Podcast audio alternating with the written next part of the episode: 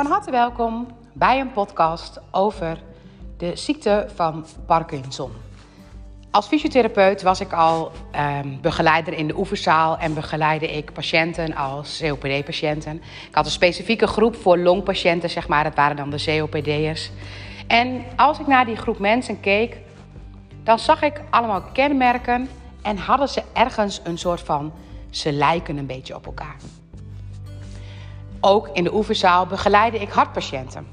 Hartpatiënten die bijvoorbeeld na een hartinfarct weer opnieuw hun conditie moesten opbouwen en weer moesten vertrouwen moesten krijgen in het lichaam. En wat mij verbaasde, die patiënten hadden allemaal eenzelfde soort kenmerk. Ze wilden steeds presteren. Het ging altijd over wie kan het snelst, wie kan het hardst. En toch hadden ze angst. En ook begeleide ik een groepje met neurologische patiënten, waaronder drie mensen met Parkinson. En deze drie mensen met Parkinson waren voor mij ook heel fascinerend. Iets wat ze echt waren, was ongelooflijk plichtsgetrouw. Net als dat de COPD-patiënten echt heel trouw altijd kwamen, de hartpatiënten zeker niet zo trouw waren, waren de Parkinson-patiënten altijd trouw bij het komen. Ze waren heel trouw aan wat ze met mij hadden afgesproken. En wat ze ook deden, ze waren altijd heel trouw aan het lijstje wat ik ze gaf. Het leek wel alsof dat lijstje fungeerde als een soort houvast. Een soort van, dan doe ik het in die cadans. Dat fysiotherapeut zijn, dat is inmiddels al jaren geleden. En ook het begeleiden van die groepen is inmiddels jaren geleden. Want na fysiotherapie ben ik osteopathie gaan studeren en was de oefenzaal natuurlijk niet mijn directe domein. Maar altijd heb ik onthouden dat bepaalde patiënten bepaalde kenmerken hadden.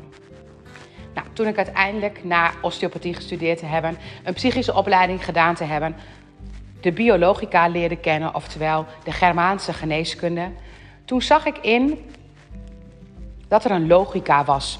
Dat deze patiënten een bepaalde patiëntencategorie waren en dat ze eigenlijk een bepaald thema in hun systeem hebben. Waar bijvoorbeeld de longpatiënten, longen gaan natuurlijk over het ademen. En bij longen gaat het dus vooral over doodsangst, thema's op de dood. Het was dus best logisch dat ze bij mij kwamen en mij ook als een soort houvast zien, zagen, want ik ging ze helpen om minder snel dood te gaan. Tenminste, zo zwart-wit zou je het bijna kunnen zien. Als je keek naar de hartpatiënten, ja, het hart, dat gaat over presteren. Dus natuurlijk wilden zij graag presteren. Je moet wel presteren, want als je niet presteert, dan dat was het thema van de hartpatiënten. En zo leerde ik bij de Germaanse geneeskunde dat werkelijk alles in de basis een overlevingsstrategie is. Oftewel, ooit is er bij die longpatiënt een moment geweest dat ze bang waren om dood te gaan. En het lichaam heeft dit als oplossing bedacht om minder kans te maken op doodgaan. Hij maakt extra cellen om betere zuurstof op te kunnen nemen. Alleen helaas er zit ook een kanttekening aan die extra cellen. Dat zorgt er ook voor dat je makkelijker slijm kunt produceren. Nou ja, dat is het longverhaal, zeg maar. Niet het verhaal wat ik natuurlijk in mijn Parkinson um, podcast wil gaan vertellen. Maar weet dat achter alle ziektes, want eigenlijk noem je in, het, in de Germaanse geneeskunde geen ziekte, maar dat er achter alle thema's altijd een logica zit. Dat het eigenlijk volgens ons lichaam een oplossing is. Nou, als je dan kijkt naar de Parkinson-patiënten, was zeer opvallend. Maar natuurlijk is elke Parkinson-patiënt wel net even iets anders. Maar wat opvallend is bij de Parkinson-patiënt, is de motoriek. Eigenlijk voelt het de hele tijd alsof ze zeg maar niet meer uit zichzelf iets kunnen gaan initiëren. Ga ik het doen of ga ik het niet doen? Het is moeilijk om iets aan de gang te krijgen. Als fysiotherapeut help je daarmee. Dan leer je mensen met Parkinson bepaalde, tussen aanhalingstekens, trucjes om iets wat je graag wil weer te kunnen doen. Om jezelf weer aan te kunnen zetten om iets te gaan doen. Dus je helpt ze bijvoorbeeld met het lopen, dat je zegt 1, 2, 3, 4 en dan gaan ze lopen, zeg maar. Dus dat je ze steeds een soort van een duwtje in de rug geeft. Een hulpje om in beweging te gaan komen. Tegenwoordig zijn er natuurlijk superveel medicijnen, waardoor dit thema minder aan de oppervlakte ligt. Maar kijk je naar Parkinson-SEC, dan gaat het echt over het wel of niet doen. Initiëren of het niet doen. En je mag er ook altijd van uitgaan als er zo'n aandoening komt, als bijvoorbeeld de ziekte van Parkinson, dat het natuurlijk ergens een oplossing voor is, want alle aandoeningen zijn ergens een oplossing voor, maar dat er dus in de basis iets is wat dramatisch is geweest, wat ongelooflijk veel impact heeft gehad, wat onacceptabel was, wat geïsoleerd beleefd was, oftewel wat je alleen hebt beleefd en waar geen oplossing voor was. Want altijd als er iets van een ziekte ontstaat, zelfs bij de kleinste koortslip, daar zit nog een basis in wat ooit een imprinting was, wat pittig was en het brein heeft zich toen aangepast. En daar is een ziekte van ontstaan. Nou is het zo dat als je kijkt naar chronische aandoeningen als bijvoorbeeld COPD of hartproblemen of Parkinson-problemen, dat het natuurlijk niet zomaar een of ander klein mini-imprintingje is. Het is een imprinting die soms niet eens in jouw systeem zit, maar het kan soms in het systeem van vader of moeder al zitten, of in veel gevallen zelfs in beide systemen een thema zijn en dat het bij jou samenkomt. Maar het gaat bij Parkinson over moet ik het wel doen of moet ik het niet doen?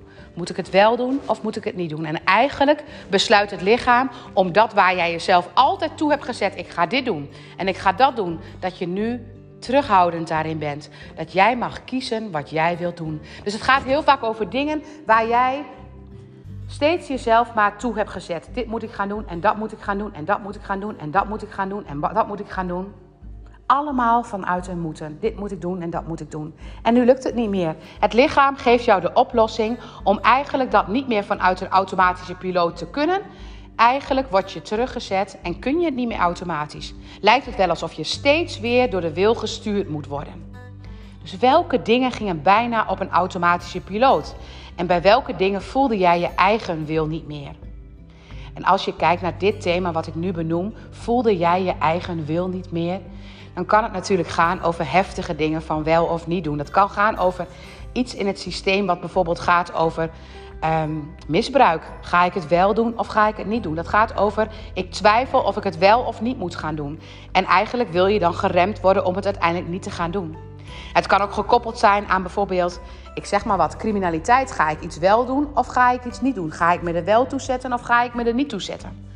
Allemaal thema's die gaan over ga ik het wel doen of ga ik het niet doen? En waar het vroeger als een soort van automatische piloot gebeurde, gaat het lichaam nu een oplossing aan jou geven en ervoor zorgen dat je niet meer op de automatische piloot kan.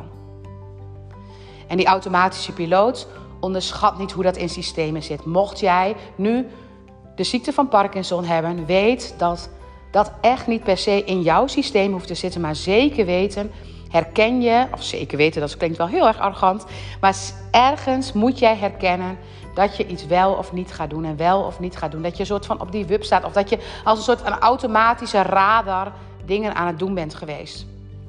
En heel vaak zie je bij mensen die bijvoorbeeld Parkinson hebben ook wel een thema op de geboorte. Ga ik wel door het geboortekanaal, ga ik niet door het geboortekanaal? Ga ik wel door het geboortekanaal of ga ik niet door het geboortekanaal? En dan kan het ook echt te gaan over doodsangst. Het gaat over iets wat een behoorlijke imprinting heeft. En het gaat ook over mag ik er wel zijn of mag ik er niet zijn? Mag ik er wel zijn of mag ik er niet zijn? Dus het kan zelfs al bij bevruchtingsmomenten een eerste imprinting hebben gehad. En als je dan bijvoorbeeld, ik zeg maar wat, bij de bevalling gestimuleerd bent, je bent ingeleid en je wordt geduwd en je wordt geduwd en je wordt geduwd, dan is dat ook de duw die jij in je leven heel veel voelt en een duw die jij niet meer wilt en waar je lichaam dus Parkinson van maakt. En dan denk je nu misschien, nou poeh, dat waren uh, wel tien redenen wat ik ongeveer zou kunnen hebben. Nou ja, dat zal niet helemaal zo zijn. Maar stel je voor je hebt dat. Weet dat als jij begrijpt waar Parkinson voor is, dat het voor jou de oplossing is om niet meer in een automatische piloot te hoeven.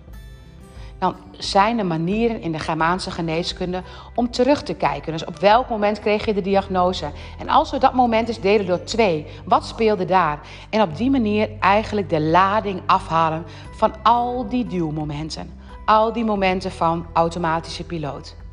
En als je die ladingen afhaalt, en als je die ladingen afhaalt en als je die ladingen afhaalt, dan gaat steeds meer het bewustzijn komen van dat deed ik op de automatische piloot. Maar ik mag zelf dingen kiezen. Ik ben zelf bij machten om dingen te kiezen. Ook al zijn er situaties in mijn voorgeschiedenis waar ik dat niet mocht, waar ik dat niet kon. En als je dat weer leert, als je ziet welke momenten dat zijn, dan heb ik altijd geleerd bij mijn opleiding van de Recall Healing van Gilbert Reynaud. Dat is een man uit Vancouver. En hij heeft echt heel veel mooie dingen verteld en hij heeft heel veel mooie mensen begeleid. En ik heb altijd van hem geleerd dat het lichaam een ongelooflijk zelfgenezend vermogen heeft. En dat er in het systeem zeker thema's zijn. En dat je soms die thema's niet. Soms kun je nog uh, een ziekte krijgen van thema's wat drie generaties terug is. Dat kan ongelooflijk veel imprintingen op die manier geven. Maar alle lading die jij eraf haalt. Daarmee, in dit geval, kan jouw automatische piloot steeds meer uit zichzelf uitgezet worden. Waardoor het lichaam steeds minder denkt om jou te moeten helpen met een uitzetten van jouw automatische piloot. Oftewel het blokkeren van jouw systeem. En weet daarnaast dat er echt mogelijkheden zijn om te terug te kijken in het systeem en om daar alleen maar naar te kijken. Je hoeft het niet helemaal te doorleven. Maar het mag wel gezien en gevoeld worden. Want all die issues die er zijn, dus alle problemen die jij hebt. Het moment dat jij die issues er kunt laten zijn, als ze in de tissue mogen, oftewel als ze uitgesproken mogen worden of als ze eruit kunnen komen, dan zitten ze niet meer in jouw tissue, in jouw bindweefsel, zitten ze niet meer in jouw lijf. En kun jij op die manier weer verder in jouw leven.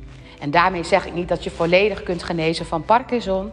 Maar als ik praat volgens de woorden van mijn leermeester Gilbert Renault, dan mag je gewoon zeggen: Ik ga ervoor om ervoor te zorgen dat mijn lichaam het niet meer hoeft te gaan doen. Dat ik een automatische piloot, uh, dat mijn automatische piloot uitgaat, dat ik dat helemaal zelf kan sturen. En als ik dat zelf kan sturen, dan heeft mijn lichaam niet meer um, dan hoeft mijn lichaam dat niet meer voor mij te gaan doen.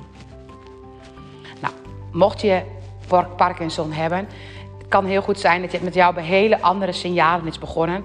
En het kan met hele kleine dingen, maar in de basis gaat het over wel of niet doen, aan of uit. Motorische stoornis, daar gaat het over. En het kan ongelooflijk invalidiserend werken, omdat je natuurlijk, doordat je een diagnose krijgt, al kunt denken van, oh jee, en hoe gaat het nu in mijn toekomst? En door de diagnose kan er een conflict op conflict op conflict ontstaan. En ik denk dat het daarom mooi is om deze podcast in te spreken. Omdat, niet omdat ik je bergen met hoop wil geven, maar wel omdat ik je wil helpen, helpen laten zien dat jouw lichaam je niet in de steek laat. Maar dat er eigenlijk jouw lichaam een oplossing heeft bedacht voor iets waar jij tegenaan loopt in jouw systeem. En niet zozeer in jouw leven zelf, maar vaak in het systeem zit dit thema. En ontrafel je dit thema, nou, dan hoeft het lichaam jou niet meer te helpen om deze beslissing te nemen. Dankjewel voor het luisteren.